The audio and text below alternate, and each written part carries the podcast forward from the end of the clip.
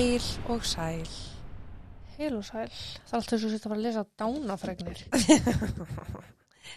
Kannski ég bara takja mér það hlutverk á næsta ári. Já, hvernig væri það? Verið velkvæmni mórskurinn. Já. Ég heiti Þórdís Ég heiti Jóhanna. og ég ætla bara að vinda mér beint í málið. Já. Um, Bethany Ann Leitlane fættist uh, þann 15. oktober ára 1985 í San Antonio í Texas.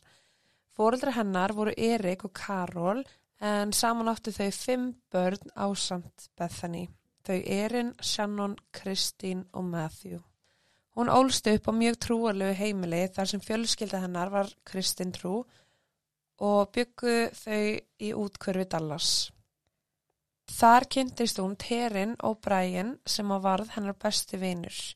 Þau brölluðu marg saman og deildu draumum og væntingum hvors annars sem þau höfðu í framtíðinni.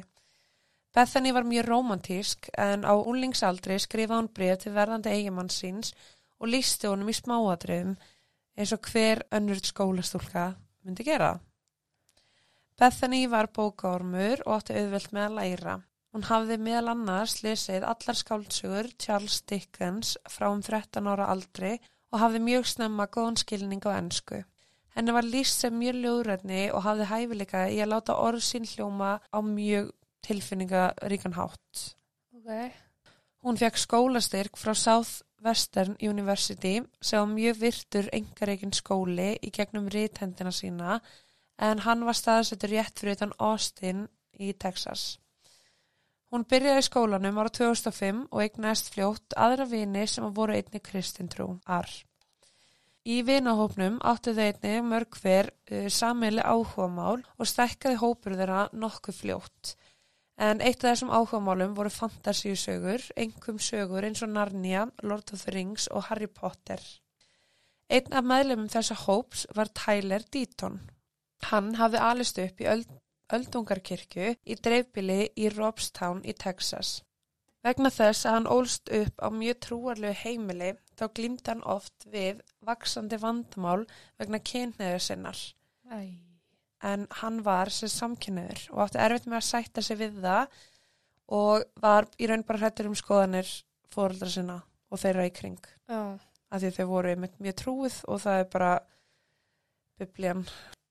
Það fór nefnilega gegn trúnans að vera samkynneður og skapaði snortið eko snemma. Hann sagði oft frá því að samkynneitt fólk væri rugglað og að það gæti ekki elska Guð og Guð myndi ekki elska þau tilbaka. Sjálfsmyndin hans var því bara vel í rústi eh, en hann var sérst hávaksinn myndalur og sjarmerandi en innstinni þá fannst hann um hann einskinsverði og var með lítið sem ekkert sjálfs álit sem að fekk hann til að takast á við margar áskoranir. Í Kalalen mentaskólanum var hann í Marching Band Já, svona... Já, ekki lúðrasveit heldur bara svona Já, heldur eins og the band camp Já. Trommukjöðar og eitthvað, trommur og... Já. og varð einnig meistari í rökræðum. Hann endaði sem einn af tíu efstu og á þessum tíma þá hafði hann þróa með sér mjög þreyttan persónleika þar sem hann sá bara tvær ástæður fyrir öllu. Það er bara rétt og rámt, Oh. þú veist það er bara hvað Guð leifir og hvað Guð bannar. Já. Það var svolítið mikið þar. Uh, annarkvort varst í liði með honum sjálfum eða mótunum og það var engin millivegur. Nei. Það var ekkert að vera sammála um að... Alls ekki. Nei. Það var þessi persónuleiki sem að flutti Tyler til Suðvestur Háskólans þar sem að hann kynntist fljótt hópa fólki sem var með svipaðar skoðanir og hann. Í þessum vinahóp var oft litið á Tyler sem leiðtoga. Hún var lýst sem Harry Potter hópsins og hafði nokkur skonar töfra sem það til að draga fleiri til hans. Nokkri sögðu að óutskýralegir atbyrðir byrju að gerast í kringum hann og hann taldi að það væri verk hins heilaga anda. Oft á tíðum hækkaði Tyler röddina og sagði Jésús og tónlist nágrannans stöðvaðist um leið. Hann sagði fugglum fljú í burtu og þeir gerðu það strax. Ég er ekki eins og smá að tjóka sko.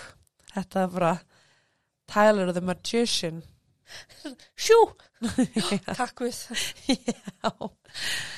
Hann lagði bölvun og öll tæki eins meðlums og þau hætti að virka.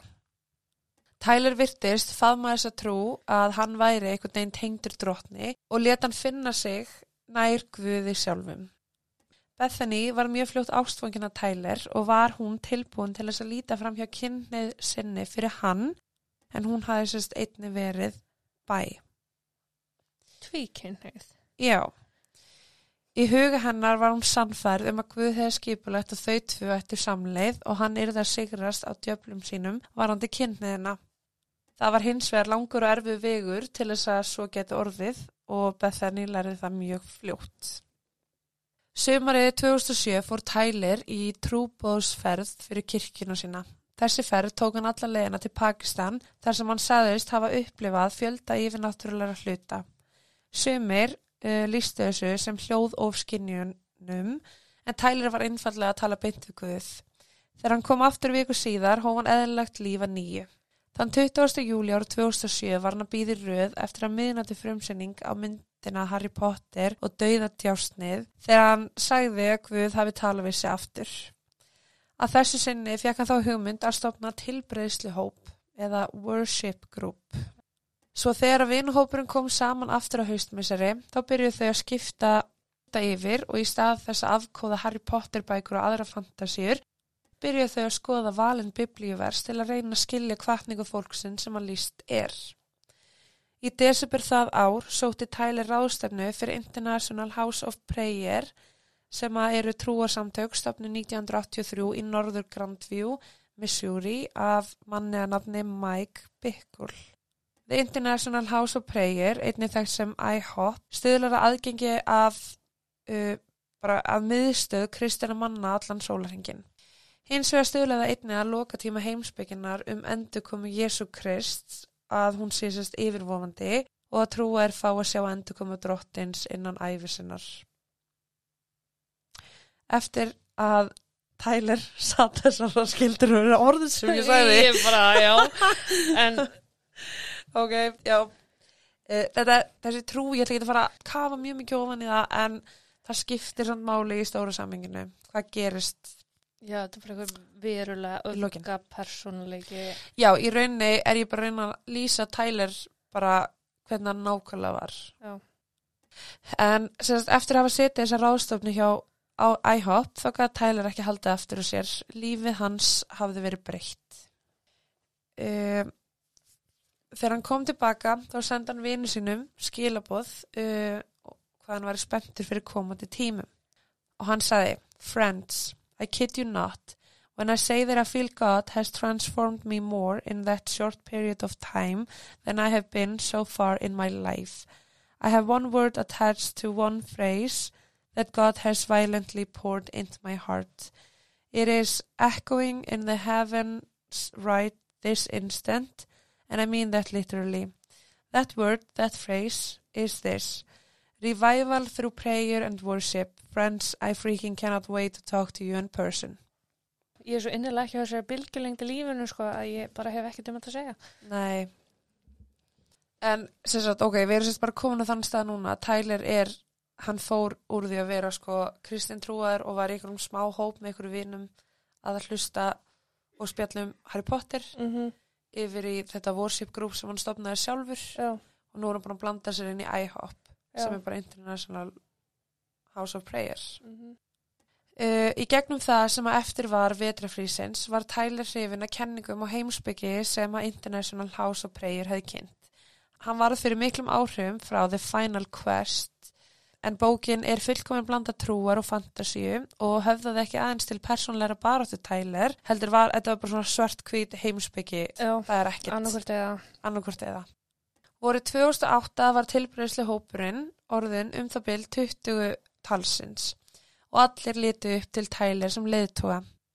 Með því hvernig hann talaði um drottin og myndu samtölum sem að þau, bara, þau áttu sín og milli, gerðu ráð fyrir því að hann ætti virkilega að ná í samband við Guð og bara trúðu því að hann og Guð væru bara uh, fellar Já, og hann væri bara, þú veist, væri með eitthvað, eitthvað aðri mátt.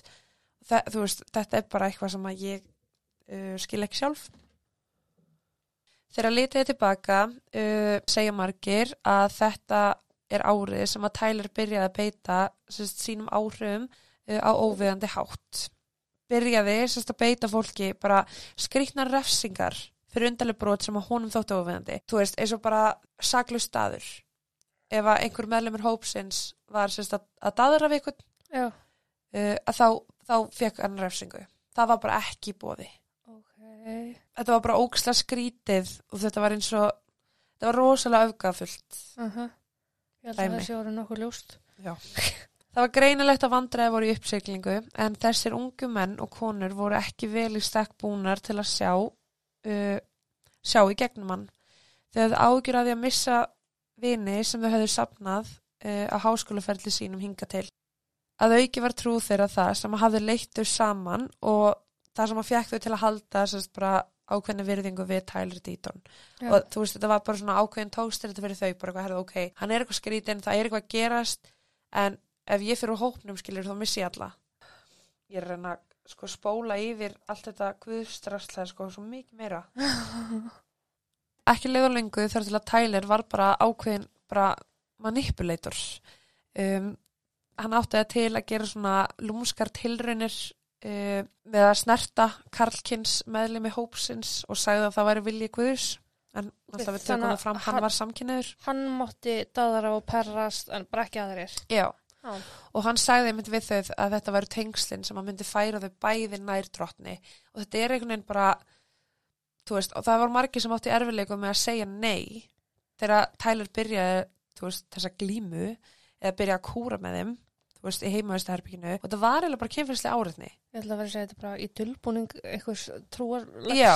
Já. algjörlega sko og fyrir þessu fólki þá var þetta bara leiðtóin skilur þú segir ekki nei við leiðtóin uh, hins vegar Bethany þá hafði hún ekki gefist upp á endalausri hrifningu sinni af Tyler þráttur að Tyler hafa einum tímpúndi sagt henni beint að það mun aldrei neitt gerast þá held hann áfram að halda í vonina sem ára 2008 var hún mjög þunglind uh, þegar þessi þryggja ára eldingarleikur við Tyler hafði ekki skilan einum árangri í sambandi þeirra og bæði vinir og fjölskylda benda á þetta sem bara svona ákveðin þáttarskil í hegðunarnar Bethany. Mm. Hún var sérst bara búin að reyna að sækjast í hann í þrjú ár og fekk aldrei neitt tilbaka nema mögulega eitthvað kynlífskilfi sem hún kannski bjóst við að fá eitthvað meira úr en varð aldrei neitt af því hann er náttúrulega bara number one manipulator. Yes.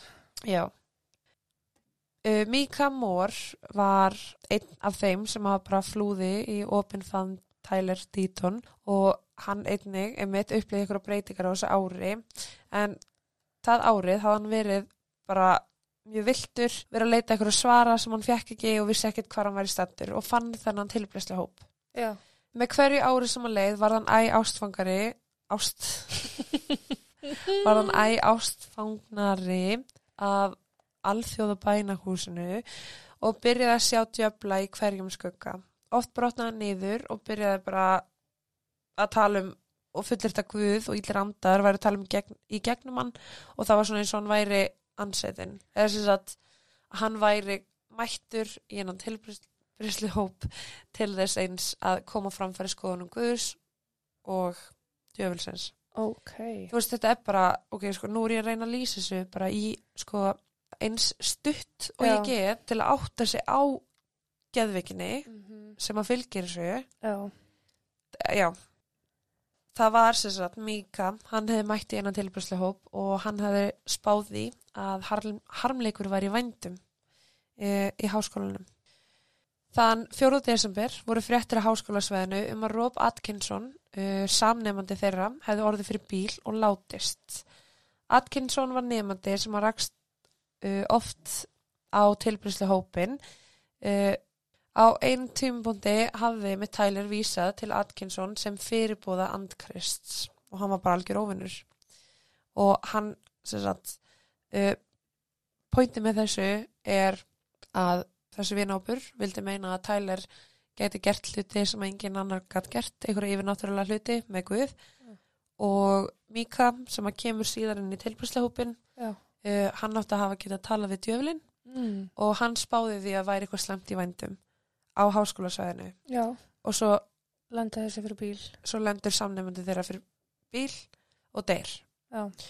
og þá byggist meira upp svona herðu ok, á þeir hafa rétt fyrir sér Já, það er eitthvað þarna í gangi Bethany útskrifaðist frá Southwestern University vorið 2009 með bíagráði ennsku og aukagrein í spænsku. Eins vegar, í staðis að taka prófið og hefja feril sem hæfileikaríkur rítumundur, ákváðan að fylgja tælir til Grandview, sem sagt að heimili International House of Prayer. Það var á þeim tíma sem að IHOP hefði keift 125 hektara land og voru að setja 20 miljónar dollara sagt, í það svæði til að byggja upp nýjar byggingar fyrir alla meðlemi hópsins. Já, ok. Já, Þetta er sagt bara hérna svolítið svona kvöld. já, já, þetta er bara kvöld. Sértrúar. Sértrúarsögnur, sko. Og litli hópurinn hans, Tyler, Já, er, núna er það orðið að hann, uh, Tyler og Bethany, eru sérst bara komin þarna í þennan kvöld. já, ok. Þar voru þau bara að vinna, þau voru í guðfræði, uh, voru að lesa biblíuna voru bara að tilbyða í bænaherbygginu frá Mm. 6 til miðnættis alla daga. Jésús minn. Já. Allt þetta ár, þar sem að Tyler og Bethany tóku þessa reysastóru lífs ákvörðun að flytja til sömu borgar og vinna fyrir sömu trúarlegu stofnunina, þú veist, þá getur maður alveg ímynda sér hversu hrifin hún var af Tyler að vilja leggja þetta á sig að því að hann er náttúrulega að ráða fyrr Já, já, og hún fylgir með. Og hún var í raun bara tilbúin til að býða eins lengi og þarf til að vinna sér inn ást hans. Já, hún var bara að býja eftir því. Já. Tyler sem hafði lengi verið að berjast við eigin kynnið samþýtti loksins að byrja að deyta Bethany um sömarið. Hann sagði að á því augnabliki þegar þau voru tvö í bænaherbygginu seint að kvöldi til að þá hafi þau fundið fyrir ást og væntumhyggju til hvers annars og sérst Mm. að hann það hafi verið mutual. Uh, Sælu mutual. já, alveg sem ég segi original. Í staðan fyrir original. Það er original. Ah, ok. Það er mutual. Mutual, já. Mutual. Eftir það uh, spurði hann annað hvort hún myndi vilja fara á stefnumeit stefnumeit fara á stefnumót með honum. Stuttir síðar sagði hann henni að hann ætlaði svoleiðis að giftast henni. Þetta var draumur að rætast fyrir Bethany sem var loksins að fá að eigða tíma með manninum sem hún hafði elskað í rúm fjögur ár. Jesus Christ. Jep. Hins vegar heldu þeir sem að voru vitni að sambandi þeirra, meðlimir tilbreysli hópsins sem að voru nú meðlimir í The Community, eins og Tyler kallaði það, að eitthvað annað væri gangi. Þau tóku öll eftir því að hjónin síndu aldrei ástúð ofinberlega. Tyler sagði meira segja einu tímbóndi að þau myndi ekki einu svona kissast fyrir en trúlofun þeirra rúmlega tveimur og hálfu ári síðar hefði farið í gegn. Og sum fannst bara að samband þeirra vera mjög sviðsett. Mm. Bethany sem hafði lengi dreymt um að setja stað með drauma manninum sínum og eignast lítinn dreng að nafni Samuel vonaði að Tyler yrði eigimaðurinn sem hún hafði einmitt skrifa bref um sem úlingstúlka. Ætla hún eignast mann og svo með honum strák sem ætti þetta Samuel. Já, það var hann brefið draumar, eða já. Tyler kallaði þessa draumóra hennar uh, að hún væri bara að vera eigingjöld. Árið 2010 held Tyler áfram að auka vald sitt og öðrum meðlumum IHOP samfélagsins og hvatti þá til að slíta sambandi við fjölskyldumeðlumi og ástfinni sem að virtust fæla þá frá trúsinni og frá honum. Það var um þetta leiti nú þegar hópurinn var með um 25 meðlumi sem að fóra að halda því fram að tilgangur hans í lífinu væri að einbytta sér að fullu starfi við þjónustuna og að byrja að pretika fyrir lífsviður væri. Meðlimir sem höfðu farið í Southwestern háskólan með Tyler og höfðu einu sinni verið vongur um að hefja sinn eigin feril voru nú neittir til að taka að sér uh, störf til að styðja við baki á Tyler og þetta samfélag sem hann var búin að stofna. Já. Sumari 2010 kom kunnulegt andlit aftur í hópin, Mika Moore, sem að hafi flutt til háskólans í Texas árið áður. Já. Andlegt ástand hans hafði haldið áfram að versna með árónum á milli og honum var hleyft aftur inn í hópin þar sem hann flutti strax inn í hús þeirra. Fóreldra hans voru vongóður um að aftur hvarf til einhvers konar andlæra leiðsagnar myndi hjálpa honum að koma hugunum á réttan stað aftur. Á þessum tímpúndi hafði Tyler nánast óheftar stjórn á hópnum og enginn vek að honum þegar hann tók ákvörun sem myndi hafa einhliða áhrif á alla. Ef hann taldi að eitthvað væri hópnum til heilla, þá gengur allir aðrir í the community með honum. Ok. Þegar meðlemið byrjuðu að tjá sig á þann hátt sem Tyler leit á sem bara ósamræmi við hann sjálfan, þá skipulega hann brottkvarf á þessum meðlem. Þannig að bara viðkomandi sem að gerði eitthvað sem hún leist ekki vel á, hann bara hendur hann út, útskofa hann. Já, bara ef þú ert ekki sammála mér, Já. þá, Bless. þá, þá fer, fer eitthvað annað. Já. Heilbreytt. Uh, finnst þér? en einn af þessum meðlumum var Bús sem að hafði verið vinur bæði Bethany og Tyler í mörg ár og næstu vikur var hann hunsaður á öllum hóknum en einu samskiptin hans við restin af samfélaginu var í formi miða undir dyrum hans af og til þar sem að hún var tilkynnt um ákvarðanir sem að höfðu verið gerðar án hans aðkomu. Mér finnst líka, þú veist, góður lagi að trúa á það sem þú vilt trúa á, en ekki gera hluti og skýla það á bakvið trúna.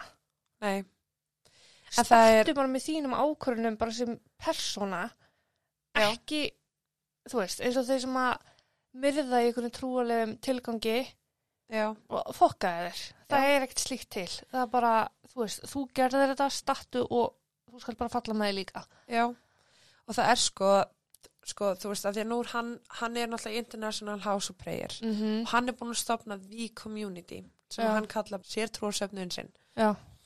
Sem bara samfélagið. Já, Já. og þegar þessi sleiðtóar í International House of Prayer uh, heyrðu af hvernig Tyler þeir komið fram við bús, Já. meðluminn, að þá voru þeir ekki ánæðir og sögðu hann bara að hann, eða að bús ætti bara rétt á að fara aftur í samfélagið hann getur ekki bara hendur honum út Já, já, af því bara hann fór semst að krefjast þess að þessi meðlemur myndi borða máltíðir sínar á gólfinu eins og hundur og misnóta hann bús stöðugt. Hann fekk meira að segja þrjá meðlemi sem að fylgdu honum allan sónarfringin til að fylgjast með honum og þeir voru bara að reyna að bóla honum út. Mm -hmm. Þannig var hann bara eitthvað að herða ok, nú er ég honum pyrraður sko, veist, ég ræð hér af hverju er International House of Prayer að segja mig hvað ég á að gera. Já. Þeir náttúrulega eru bara, þetta er þeirra svæði. Uh -huh. Bethany fór í hjúgrunanám árið 2011 á Menora Medical Center eh, sem var í Overland Park í Kansas og það var sérst bara fjarnám. Já. Hún lauk því námi í ágúst árið 2012 rétt í tæka tíð fyrir hjónaband hennar og Tyler.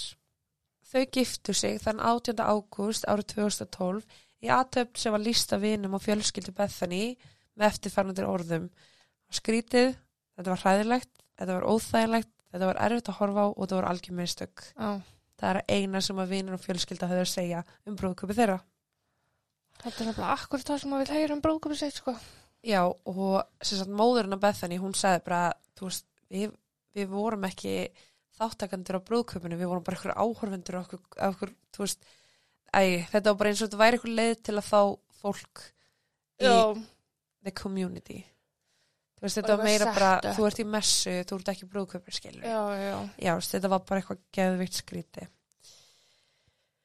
Þar sem áður hafi verið samatækt á bernsk, bernsku draumum Bethany var í staðin orðin undarleg trúar upplifin, líklegast skipluða Tyler sjálfum. Ta Terin og Brian, vinkuna Bethany úr mentaskóla, Mm. uh, hún sagði meðal annars bara að uh, það var næstum eins og Þegar Tyler og Bethany, nú formlega gift, komu heim úr þryggja vikna brúðkursferð sinni frá Costa Rica, bjóst fólk við að sjá par sem að hafði komið saman í eitt skipti fyrir öll og væri bara yfir sig ástfangin. Mm. En það sem þau fundu var að þau tvö hefði ekki mikið lagt í það að vera eiginmaður og eiginkona heldur voru þau meira eins og bróður og systir Já. og það var bara engin ást til staðar.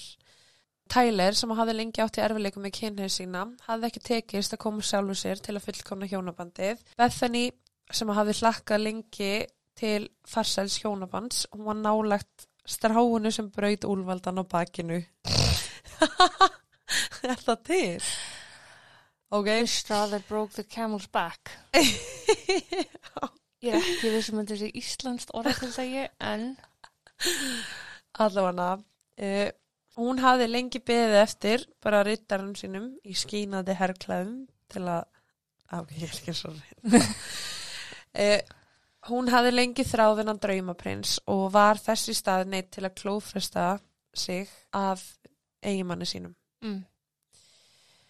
Bethany rætti við ráðgjafa og fjölda náuna vina sinna um hjónabandsmálin sem hún hefði átt við Tyler og lísti þryggja vikna brúðkaupsferð þar sem hún hefði eitt allt og miklum tíma í að lesa tvælætbækunar í staðin fyrir að eiga einhverja nánd við nýja mannin sinn. Já.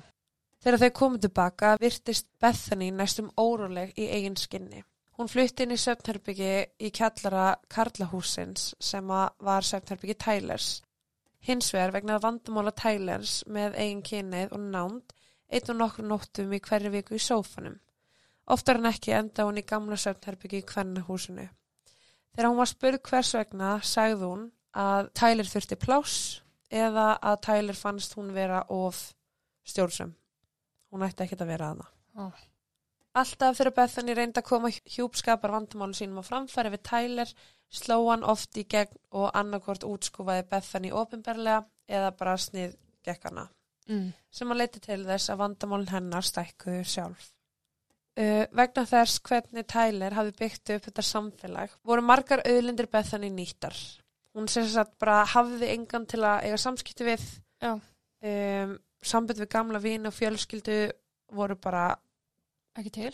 nei, voru ekki til og voru eiginlega bara eftir þörfum Tylers Já. og flestir sem að voru í the community eða á þessum stað voru bara fylgjendur Tylers og það var bara sem Tyler segir og gerir er rétt og þú ert bara eitthvað skitin eiginkona skilur þú veist. Þannig að hún gati ekki rætt þetta við neitt. Allan september og oktober ára 2012 held tilfinningalegt og andlegt ástand Bethany áfram að versna og hún byrja að koma með aðtöðsendir sem bentu til alvarlegra mála varandi lífsitt. Tyler sagði frá því að hún var sífælt tunglindari og var alltaf í uppnámi. Hann sagði einnig að hún var alltaf að segja að sálinn hennar væri eigðilögð, að hún ætlaði bara að fara til helvitis núna. Þannig í að því að hún alltaf fyrirfara sig þá eða. Já, hann sem sagt segir það. Mm. Í tölvupósti dagsettum 16. oktober byrjuði meðlemið The Community að ræða óttasinn við verstandi ástand Bethany uh, sem að gaf til kynna að hún væri alveg að fara í gangi í gegn með sjálfsmorð.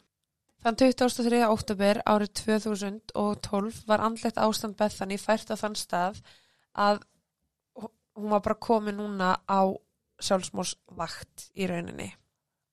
Af meðlumum samfélagsins. Já, hún kom með bolla af rúðu þurrkuvökva inn í húsin þar sem hún rætti við tælir um sambands vandamálin þeirra en honum tókst að taka bollan á brott og hafði samband við lauruglu.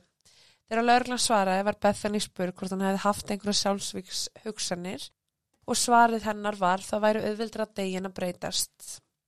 Það var þá sem að Bethany var tekin í vendargerslu í Truman Medical Center í Kansas City meðan hún var í vendargerslu og stöðu stöðut undir eftirliti hjúgrunafrænga og heilbrið sérfrænga gerði hún nokkra aðtöðsendir sem vísu til þess að einhvers konar uppgjör byðinar. Já. Hún saði læknum oftar en einu sinni að hún væri fordæmt og gæti ekki fengið hjálp. Þetta væri bara búið spill. Þrátt verið þetta var hann í sleft úr vendarvarðhaldi aðeins tveimur dögum síðar þann 25. oktober ár 2012. Bethany snýra aftur til the community og var með áallun sem átti að stuðla kær, kærleiksríku um, umhyggjusum umhverfi þar sem að hver sem er geti tekið þátti og verið hluta fjölskyldu. En Bethany fannst hún nú vera einmana og vonlaus, vonlausar en nokkru sinni fyrr. 30. oktober 2012 Nenni mér ekki sko, jésu 2012. Já. Uh, Þriðdagurinn 30. oktober ár 2012 byrjaði eins og hver annar dagur. Meðlumir samfélagsins byrjuði með vennilegu daglegu starfi sínu, hvort sem það var greining á biblíufræði, bænastundum eða dagvinnu sem þeir tóku þátti í til að viðhalda hópnum. Bethany sem bjó nú í Karlahúsinu með manninu sínum kom við þennan morgun hjá í Kvennahúsinu til að afhenda nokkrar eigur fyrir fólki sem að þar bjó. Þeir sem að hitt hana þar segja að hún hafi verið róleg og afturkölluð og yfirveguð. Afturkölluð. Þegar hún var spurg hvort hún ætlaði að vinna á spítalanum svaraði hún hóvar, nei. Síðan þegar hún var spurg hvert hún væri að fara svaraði hún með bara ókveikjandi rödd, ég veit það ekki. Debitkort og upptökur úr eftirlýsmyndvelum sína að Bethany kom við hjá Walmart í nágranni stuttu síðar og stoppaði einni hjá Flying J sem bara svona vörubílastopp slash sjoppa. Mm.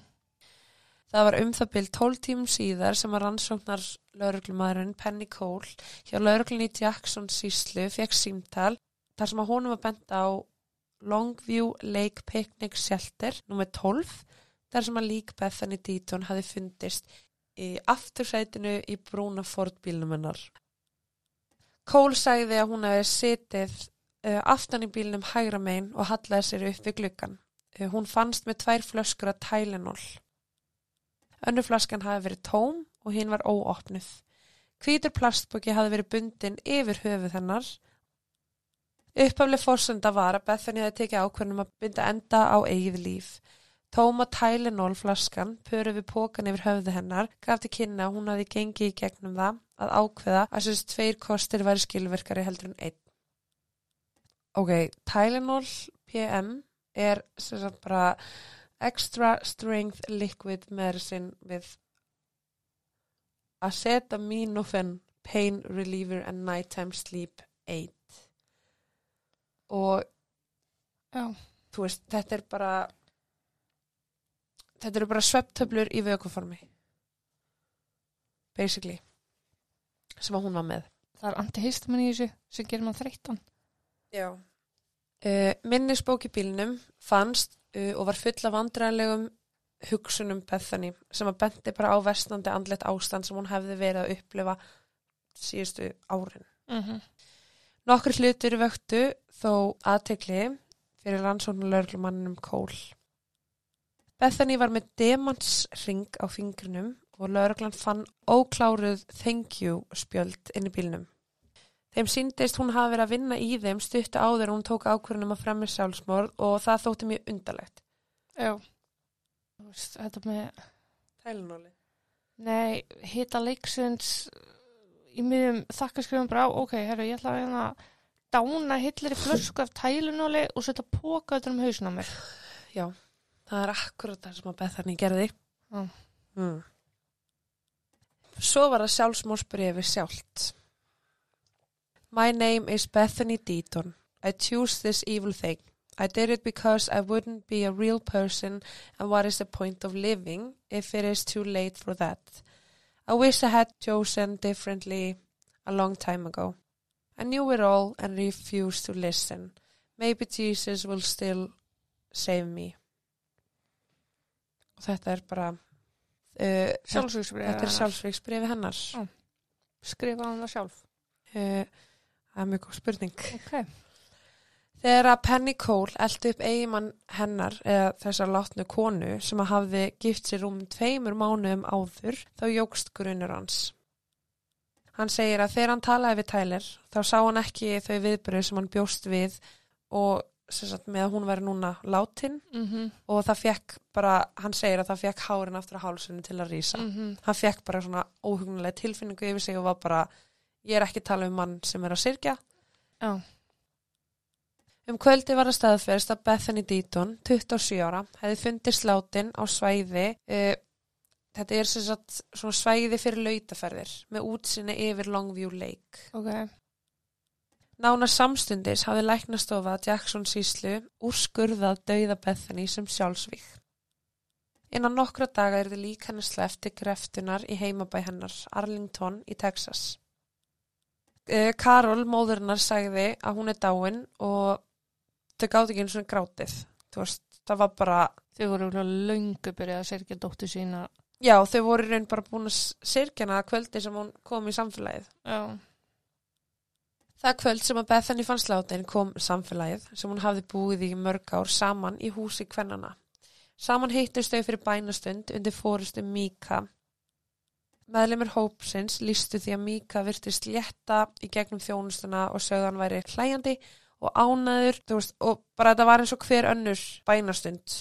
Hann leiti Guðs þjónustuna og spila á gítar Mm. og tökum að fram, þú veist, þetta er einmitt. fyrir meðlum hópsins. Tyler Deaton, eiginmaður Bethany sem var nú orðin ekki maður, sagði við hópurinn Ekkill. Já, ég veit ekki okkur ég sagði þetta. Eh, sagði við hóp, já, Tyler Deaton, Eigimar Bethany sem er nú orðin ekkill, sagði við hópinu þessari bænastund, þetta samfélag er stærra en ein manneskja. Új, barasta. Já. Daginn eftir kom tilbreyðslahópurinn aftur saman og minningin um Bethany var fersk í huga þeirra. Tyler talaði aftur við samfélagi sitt og talaði í óreglulegum tóm. Og hann sagði, eins og sem eitthvað vita er ég maður sem er ástfangin af hugmyndum og brjálaðri hugmyndafræði. Og þegar þeir færðu mér líka með Bethany, þá grét ég fyrst. En svo hló ég, því ég sagði við hana, Bethany, ef þú getur séð þig, þá myndir ekki vilja vita hvernig þú lítur út núna. Nei, Júp. új. Já. Og svo sagði hann, og í gerkvöldi áttu við tilbyrðslu tíma saman mjög stuttlega sem hópur. Það var dásalegt og það síndi mér yfirbyrði drottins yfir þessum ömurlega hlut sem, að, sem er dauðin. Og ég hugsaði með mér, hvílik vitfyrning. Og svo hugsaði ég, Bethany myndi elska hugmyndafræðina mína vegna þess að hún elskaði mig og stutti mig svo innilega og trúði mér uh, þegar ég held sjálfur að ég var í brjálaður. Þetta sagði hann. Mm. Þú veist, ha, ha, já. Það er ekki sjón að sjá þesskan. Hann kvildi friði. Þann 17. november mætti yfir 100 manns í lítið útfæra heimili uh, með útsýni yfir Longview Lake uh, þar sem að Bethany hafi fyndist. Saman myndust þau, Bethany, konu sem að hafi snert hjörtu margra í kjörn lífið. Hins vegar var þjónustin líst mjög skrít, skrítinni af mörgum. Þeir voru ekki meðvitaður um lífi sem að Bethany hafði lifað innan samfélagsins. Viðstættir voru hátsettir meðlimir uh, alþjóðlega bænahúsins, International House of Prayer, Mm -hmm. sem voru komnir til að votta lífi glatara og snemma virðingu sinna. Það var að meðan á þessari þjónustu stóð sem sumar aðtúasemdir vöktu viðurinn með að leiðtoga IHOP. Aðtúasemdinar sem félagar í samfélagi Tyler gerðu snertu nokkur atriði sem að hrjáðu hópin sem Tyler hafði sjálfur haft í för með sér. Strax daginn eftir var Tyler tilkjent af uh, alþjóðlega bænahúsinu. Hann var ekki lengur velkominn á eignir kirkjunar og þetta innihjaldi community húsnaði sem hann hafði eitt árum saman í að reyna rækta og Gott að. Þann 8. november ár 2012 var dánavottor Bethany Deaton undirritað af lækni. Þar var dánarórsök hennar opinberlega skráð sem köpnun og dánarháttur hennar sem sjálfsvík. Dægin eftir þann 9. november 2012 var fjölskylda Bethany að búa sig undir það að fara að jarðana. Mm. Hins vegar, þegar við komum saman í kirkjugarnum með útsinni yfir Longview Lake, fekk móðurinnar símtal frá rannsóknar lauruglumanninum Kól. Hann ringdi til að segja að þau þurfti að fá líkið hennar aftur og þeir vildi ekki að þeir myndu jarðana þennan dag. Okay. Og við vitum öll hvers vegna þau vilja fá líkið aftur. Já. Það er til að skoða það upp á ný. Fyrir um daginn, þann 9. november ára 2012, gekk Mika Mór, vinur Bethany til margra ára, inn á Grandview lauruglustöðuna. Mika, sem var 23 ára á þessum tímpóndi, var í fyllt tveggja leiðtóa International House of Prayer, þeirra Lenny og Kevin. Uh, Lenny og Kevin höfðu rætt við Mika eftir að þeir heyrðu undarlega aðtöðasemtir við minningar aðtöfnuna hennar Bethany Þegar Mika gekk tilbaka með liðsfóringjónum byggðu tveir meðlimir IHOP uh, í andirinu eftir honum. Mika var hér mættur snemma föstast morgun til að játa. Yfir heislu herbygginu sagði Mika lauruglu að hann hefði myrt Bethany Deaton að skipun eigimanns hennar Tyler. Hann gaf lauruglunni smáadreiði sem hóst með því að Bethany drekkur vatn með geðlífjónum sem hún tók Mm. uh, sem oft leiti til Sivju og sagði játningu Míka eftir að, gefið, eftir að henni var gefið þessi lif hafa hún verið drepin af eigin höndum hans. Já. Með orðu sínum lagði hann hvíta plastbókan yfir höfuð hennar og hjælt honum þar til að líka með hennar skalf. Í yfirlýsingunni sem byrt var síðar játaði Míka einnig þau smáatriði að póki virtist hafa verið andað inn í munn hins látna. Já. sem þetta pókin var komin, þú veist, inn í munnvikið og sko, ok tökum bara í myndina að þetta eru smáatrið sem að enginn veit Já, þú veist, já. það var enginn sem sá líkið nema náttúrulega bara lauruglan Já. og svo sem kom á málunni. Já, og nú er hann að segja að hann segir, herðu, já, herðu hún andaðinn pókanum inn í munnin þannig fannst pókin. Já. Ben Kenny varstjóri hjá lauruglunni í Jackson síslu uh, sagði að þegar hann talaði við Mika þá var hann mjög tregur að tala og það var eins og hann væri að reyna að hugsa um hvað hann ætti að segja eða eins og hann væri að reyna að fá samþyggi frá ykkurum fyrir að segja sem hann væri að fyrir að segja. Það sem hann hafi játað var að hann hafi sérst annarkvort lokað fyrir hálsum með pókanum eða kyrt um hálsunar. Mm. Þessi játning virtist tengja nokkra púnta fyrir rannsækendum og margar hugsanir sem þau hefðu haft um þetta.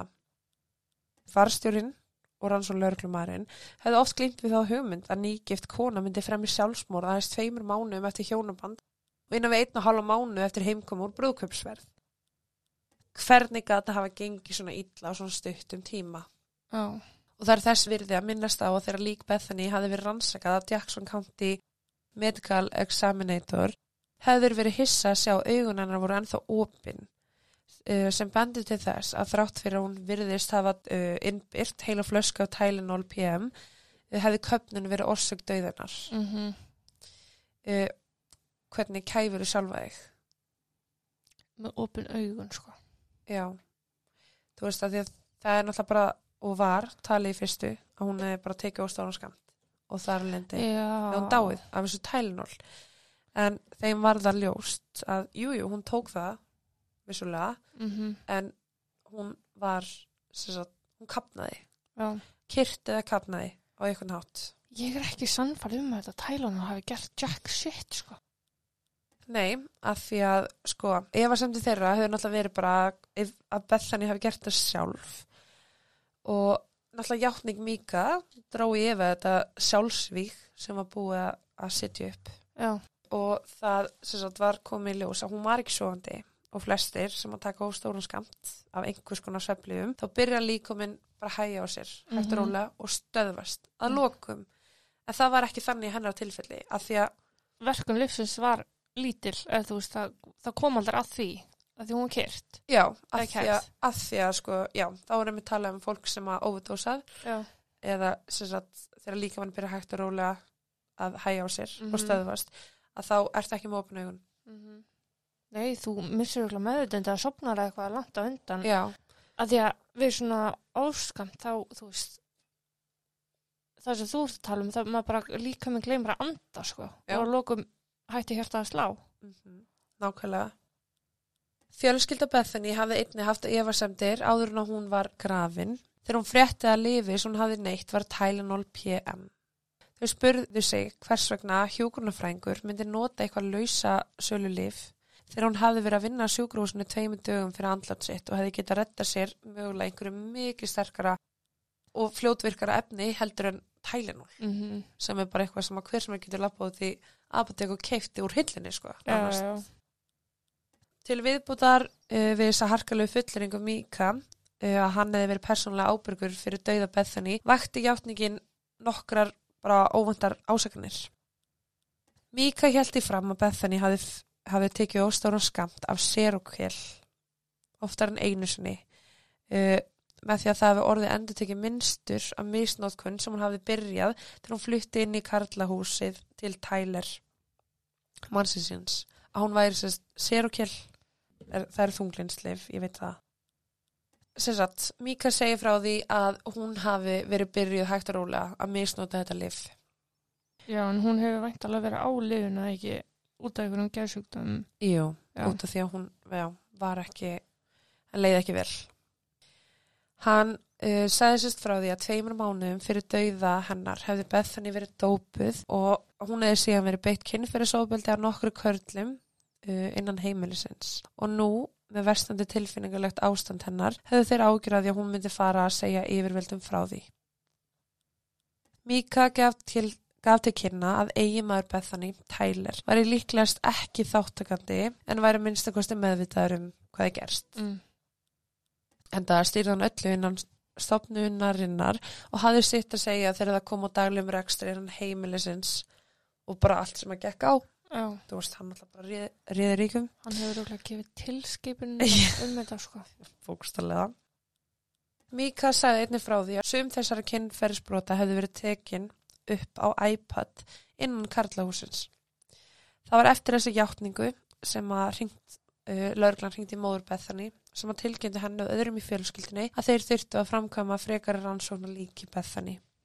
Verið var að hefja rannsóknar dauða Bethany að nýju. Næsta mándagsmorgun gaf fórseti International House of Prayer Allen Hood út ofinbera yfirlýsingu um þessa aðberðarás. Deild International House of Prayers uh, var harmislegin yfir hörmulegu andlati Bethany Leitlin Deaton þann 30. oktober. Bethany hafði sótt sex mánu starfsnám við háskólan innan svæðisins og varð hjúgrunafræðingur sem að starfaði á sjúgrús á staðnum. Þann 10. nómber urðu við nexlaðir þegar lauruglustjóri Jackson síslu tilkynnt okkur að IHOP-U nefandi að nafni Mika, maður sem að þekkti Bethany frá háskóla dögum sínum í Texas, hafi verið ákjörður fyrir morðið á henni. Síðan að Bethany lést hefur, hefur komið í ljós að fyrir meirin fimm árum síðan gengur hún og herra Mór í, í samhöndan trúarhóp í Georgetown, Texas. Þessi trúarhópur færri en 20 manns var undir stjórn Tyler Deaton og svo segja við bara við erum núna að gera allar nöðsynlega ráðstæðunni til að þjóna nefndum okkar og tryggja öryggi þeirra á velliðan da, da, da, og svo bara vegna yfir standard laurugluransóknar höfum við ekki frekara aðtöðasendur og svo stöttu en það er sérst, á þessum tímbili og akkur þarna sem þeir eru að slíta tengsl við Tyler. Já, ok. Og það er bara yfirlýsingin, yfirlýsingin er bara, já, þú veist, bara já og sko Mike uh, Bickle stopnandi International House of Prayer hann uh, gaf mér þess að út uh, minnbandspretikun þar sem hann varaði við hættinni á sértrúasöfnum og þeim aðfyrum sem hann væri að tæla fólk inn What, ok. já. þetta var bara rosalega mikið mál að IHOP bara vissi ekki, sagðist ekki vita hvað Deaton hefði verið, eða hvað Tyler hefði verið að gera Mm mm. þetta var bara gestórt í stóru samenginu Já, það, sko, það er líka, þetta er svona svarti söðurinn. já, Trú getur verið óbúslega falleg, fólki rúslega gefandi, en svo er ykkur hálfvitar eins og Tyler sem að skikja á stóra samhengið já með ykkur svona, sko. Algjörlega. Innan nokkra daga voru hús uh, bæði karla og kvenna í samfélaginu tóm. Þar sem að fóreldrar og aðri ættingjar hefðu komið og sótt uh, fólkið sem að enn bjóð þar sem að var að taka þátt í þessu biblíu námi. Þetta hefur veintalega verið bara meðalaldurinn 22 ára eða eitthvað. Já, Já. þetta var bara ungt fólk sko. Konurnar sem byggu í The Community voru áfalli verna ásakana sem lagðar voru fram og hendur Tyler og hinum mönnum í húsinu, sérstaklega þessi kynferðis ofbeldi sem að hefði nú verið komið upp á borðlauruglu. Fólki sem að bjóði Jonestown held líka að hann var að gera þeim óbúslega greiða þegar hann leta alla fyrirfara sér, sko. Emitt. Er einhver sértrúasöfnaður í Íslandi Já, sem er svona öfgakendur? Þá er ég ekki meina bara sem tengist trú, heldur bara sem tengist í að, að það er kannski ekki neitt guð en það er kannski einhver pétur sem er guð, skilur ég hugsa að við myndum sennilega ekki vita af því, sko. Nei, þú, veist, þú og ég sem minn almenni borgari þegar við erum ekkert sérstaklega trúaðar og við stundum ekki inn kirkju eða neitt þannig Nei, þannig að við myndum aldrei komast í samband við einstaklingar sem að væru þarna í lífinu já, að þeir trúlega slíta niður allt það sem við erum og gerum skilju hvað við já, þannig að þú veist já, ég held að ég hugsa að við myndum ekki svona vita því sko. nei, örglega ekki, sko. En ég meina gott að blessa ef það er, bara svo lengi sem allir enda ekki bara döður. hægja ykkur eins og manneskjur það var bara, þú veist Grínlaust, já. Þegar þetta allt vera að tæmast og allir meðlimir sér tróðsöfnunar söfnunarins söfnuðarins söfnusins uh, fóru að þá var sérst bara lauruglan var bara að byrja að tala við alla og bara hei, hvað hérna, hvað er þetta? mm hvað var að gerast því meira sem þeir tölu því meira áttaði lauruglan sig á því bara hvað hafi verið að gerast hana í bara síðustu marga mánuði ef ekki ár Mm. Margir karlmenn í húsinu sögðu lauruglumennum að þeir höfðu stenda kynlif með tæler í gegnum tíðina í samfélaginu. Viljur eða? Ég, hann, sko, ég veit ekki en hann alltaf bara er guð. Já, ok. Að minnstakosti þrýr lístu þessu sem kynfyrirslu sambandi og einn sérstaklega sem löngu ástarsambandi. Já, ok. Þá spyrum að segja okkur hvert hvað er þá Bethany? bara upp á útliti, Já, upp á ímyndina nema mannstu, hún var svo ljótur hún var dáin. oh my god, ég er ekki, ég getur ekki hefna með því sko Einn af þessum ungu mönnum í húsinu lístu, uh, lísti áhyggjufullri röð atbyrða þar sem að Tyler hafði komið honum í það að vera hluti af einhverjum kynlífsatöfnum sem að voru gangi. Mm. Og þetta hafi byrjað með óþægilegum líkamlegum snertingum og bara eins og einhver svona leikglíma eða óvinnilegt kúr sem að endaði með kynlífi eftir því sem að tími leið. Og það er bara sama hann var að gera þarna í hana, skólanum sem Já. hann var í áður. Þú veist, hann var að stíga skrefinu lengra með vini sinna mm sem að voru ekkit á sama stað hann sko. nei, Mér er anskotar sama hvaða kyn fólk er en bara 1, 2, 3. Já. Það þarf, að- þú veist, þetta er ekki samþykki. nei Þetta er þvingun. mm Uh, fyrir marga í húsinu sem áttu sér nú á því að þeir voru orðnir tengdir sér trúarsöfniði var að tæla sem að lísti kynlífinu sem trúarleiri upplifun og notaði skildleika sinn við Guð til að hægraða þessum áhrifamiklu ungum mönnum til að stunda kynlíf með honum. Og það var sérst tala um að þetta væri bara einhverja svaka kynlífsatanmir sem að þessir ungu menn sem að vildu búa þarna og vera þarna þurftu bara gangi gegnum. Þú veist, þetta er bara eins og eitthvað ógæslegt drasl. Einn ungur maður heimilinu sagði rannsónulegurinni að Tyler hafi sagt honum frá undarlegum draumi sem, hef, sem að honum hefði dreymt. Um það byrð þremu dögum eftir að lík Bethany fannst. Í þessum draumi hafði Tyler líst í að hann kefði Bethany til bana sem að olli því að hann fekk erfiðar hugsanir næstu daga. Þetta kom allt saman í fréttunum og fólk sem bæði bjóðni kring fjölskyldur allra meðlima, Mm. þú veist, þetta var bara mjög óhugnalegt. Já. Hvað, kom þeim kannski ekki svolítið opna skjöldi líka já, hvað var verið að koma fram, þú veist, bara eitthvað svona, hvað er svona minn búin að vera, skilur við, Mhm. bara hvað er pappa og allt þetta gerast. Jésús mér, ég get ekki eins og sett mig í aðstæðu sko Nei, ugh. Þegar allt kemur til alls, þá byrjar morðrannsók á þeim sem að eru næst fórnalambinu, einhver makar þeirra og þeirra annarkur stór fjármála viðskipti eiga sér stað eða framhjóald er hluta rannsókninni, þá getur það leitt til aukina grunnsenda og það er sérst, þegar ég segi fjármála viðskipti þá er ég að meina, þú veist, eins og ertu með líftryggingu sem er ókslega há, já, já, já.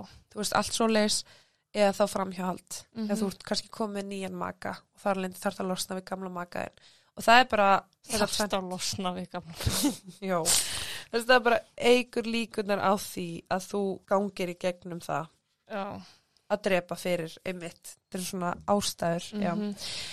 og með þessu fréttum var allt sem að Tyler hafði gert og sagt í kjölfar dauða Bethany undir bara smásjá var bara verið að fara yfir þessi skrýtni viðbröðan sem hann sagði frá dauðinar, undarlegu ummæl hans í predikonum og játning Míka og þetta málaði bara vonda mynda af Tyler. Er Míka þarna bara í höndum lauruglunar og Tyler bara Já, að lifa lífinu? já. Ok, Það sem að verið var að skoða dauða Bethany á ný þurfti að taka helsta sönnagagnið uh, í frekari skoðun sem var sjálfsmórsbrefið sem að hafi fundist nálat líkennar inn í fólksbílnum hennar. Ástvinnir sem að þekktu Bethany og hvernig hún skrifaði höfðu alltaf líst vantrú á að hún hefði skrifað þetta sjálf. En það hafði hún unnið námstyrk til Southwestern Háskólans vegna rítæfileika sinna og sjálfsvísbrefið var mjög erfitt að lesa. Þú veist, einn vinnurinn sagði einhver sem að skrifar vanlega svo fallegt hefði ekki getað skrifað eitthvað svona ógreinlegt. næ. Og í loka brefinu Já, hefði það ekki verið bara fallegasta rítverkanar ever. emmitt. Og Bós sem ég talaði hann aðeins um sem var vingað úr hóknum uh, sagði að bara sjálfsvísbrefi hljóma ekkert eins og hún en auðvitað ef hún hefði verið eins brotir hún virtist að vera á svona tímpundi að þá veit maður ekki Nei, skilur maður veit ekki já. hvað mannskinn er í gangi í gegnum en hann segir bara í alveg tala samt það er engin leið að hún skrifa þetta Nei, sama í hvernig ástandi hún mögulega var í. En að tvekja vikna frá upphaflegri játningu hans, Mika, hafði hann afturkallað uh, játninguna sem hann hafði gefið, sem var bentu á Tyler og hans sjálfan. Lögfræðingur hans rætti við fjölmil og gaf út yfirlýsingu þar sem hún sagði játninguna furðulega og þetta væri bara uppspunni sem hann var gerð af örðulegum og ráðaviltum ungum manni.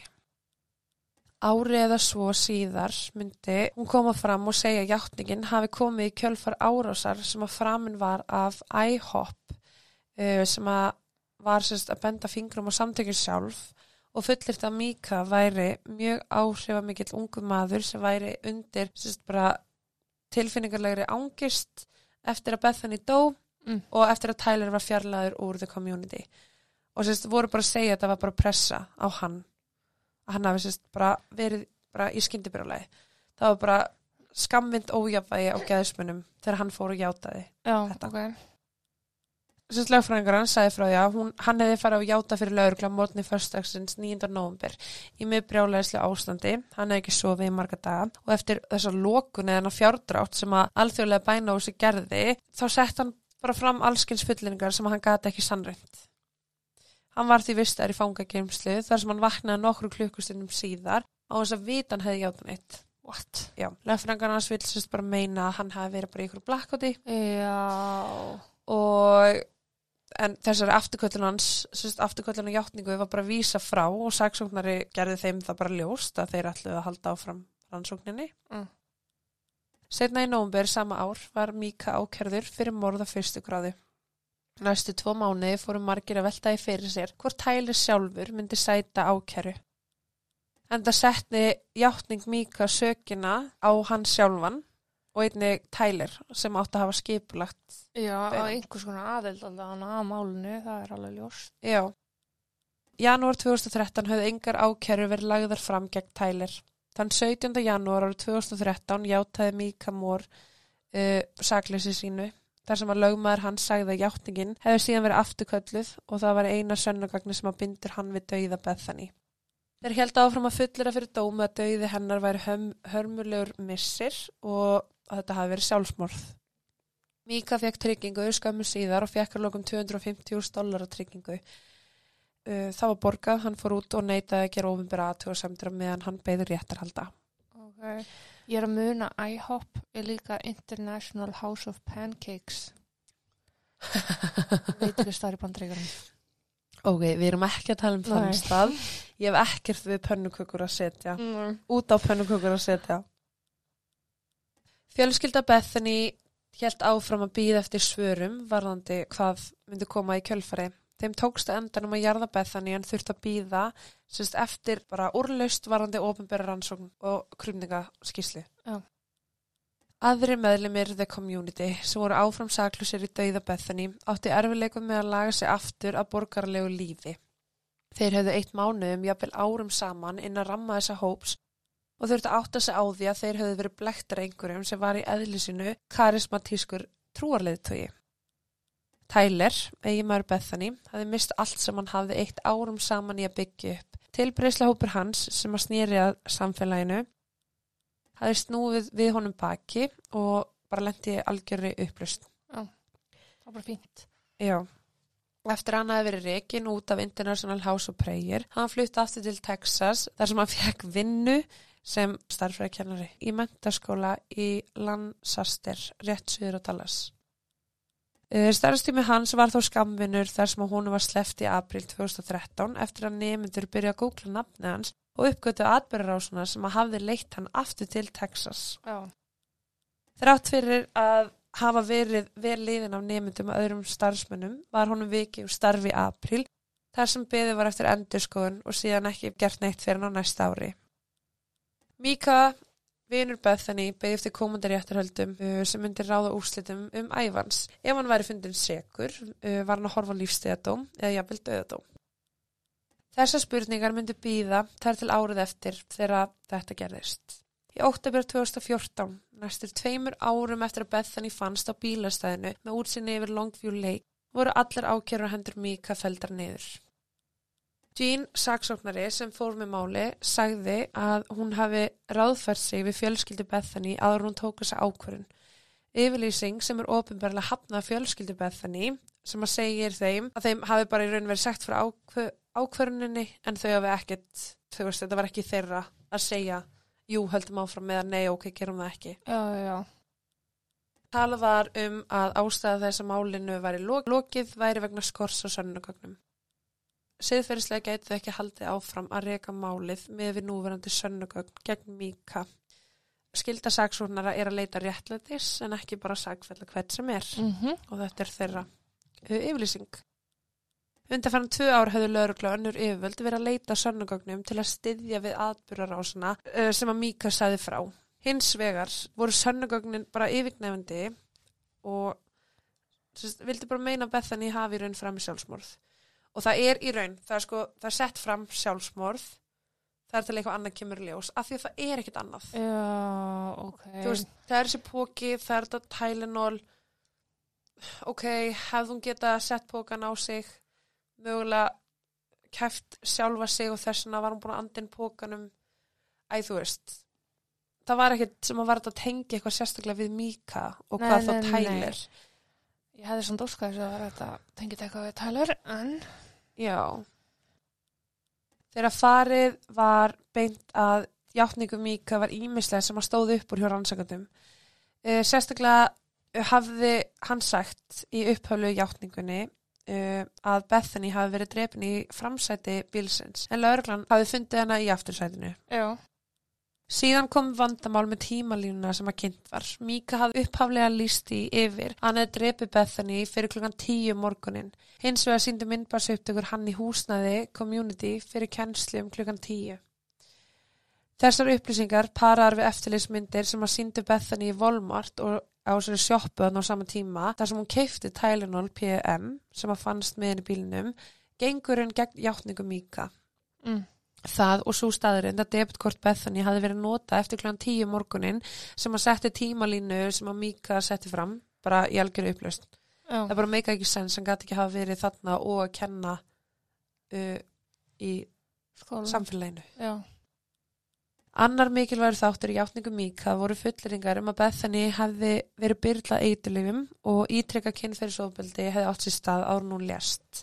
Þegar læknar skoðu líka með hennar uh, fundur, ein, fundur ekkert snefil af sér og kill lífinu sem Mika heldi fram að hún hefði verið á Og misnota. og misnotað.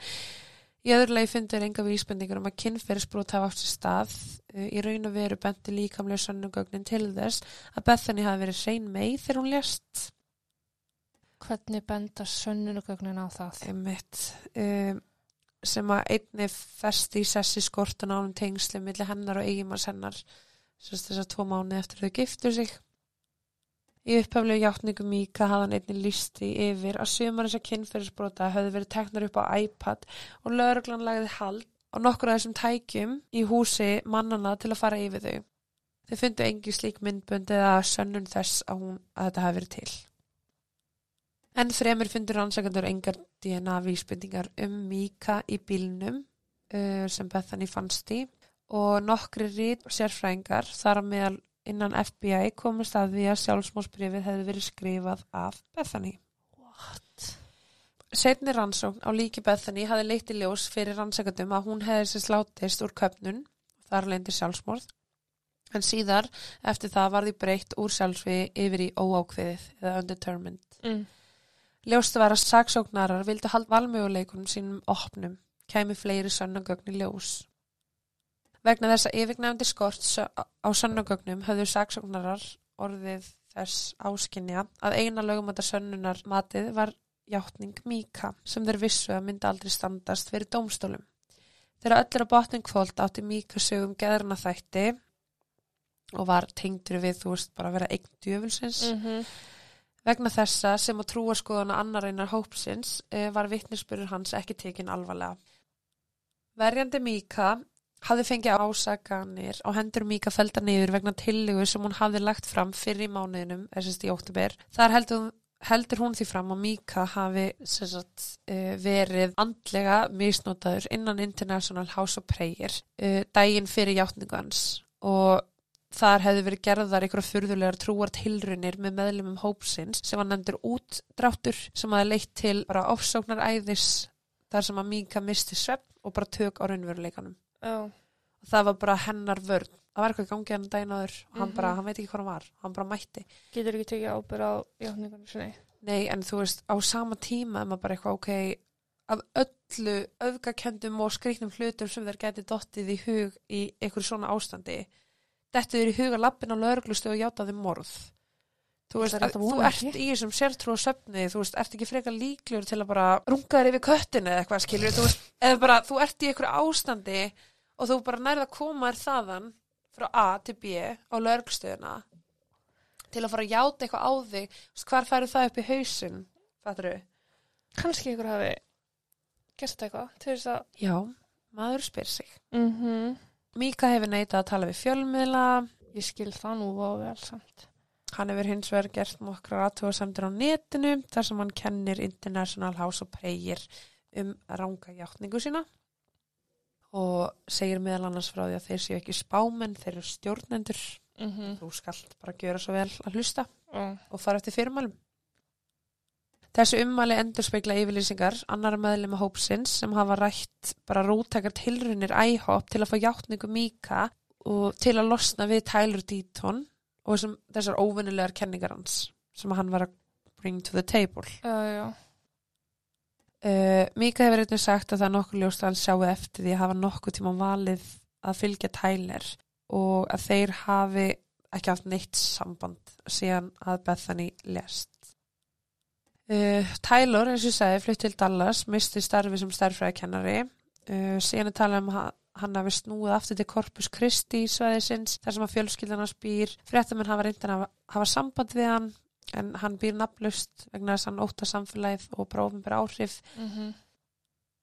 Hins vegar þegar að CBS setti saman hann að 48 hours Mhm. sem er bara þættir að þá Tyler mjög samvinni þýður hann vildi koma fram og hreinsa nafn sitt en enda, endaði með því að bara blanda saman hugsunum og skoðunum margra meðan hann var í myndalni þá virtist hann vera mjög óþólandi hann brosti stöðut og hlóa spurningu sem voru mjög alvarlegar.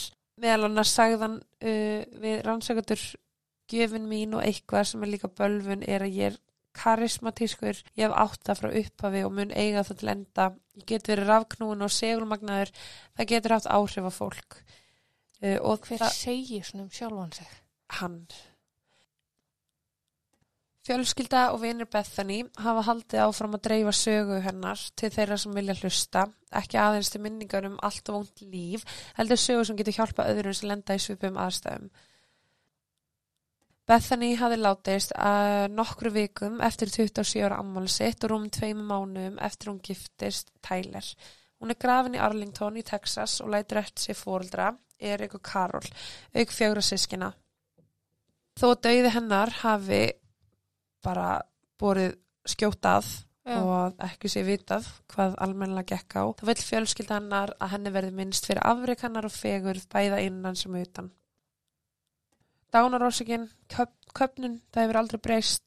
Um, það bara hefur verið augljóst frá fyrstu lögregluskíslu þar til ákjæra var fælt niður á vinnunar Míka. Mm. Uh, hins vegar dánarósik uh, breytt úr sjálfsvíi í ókveði Mm -hmm.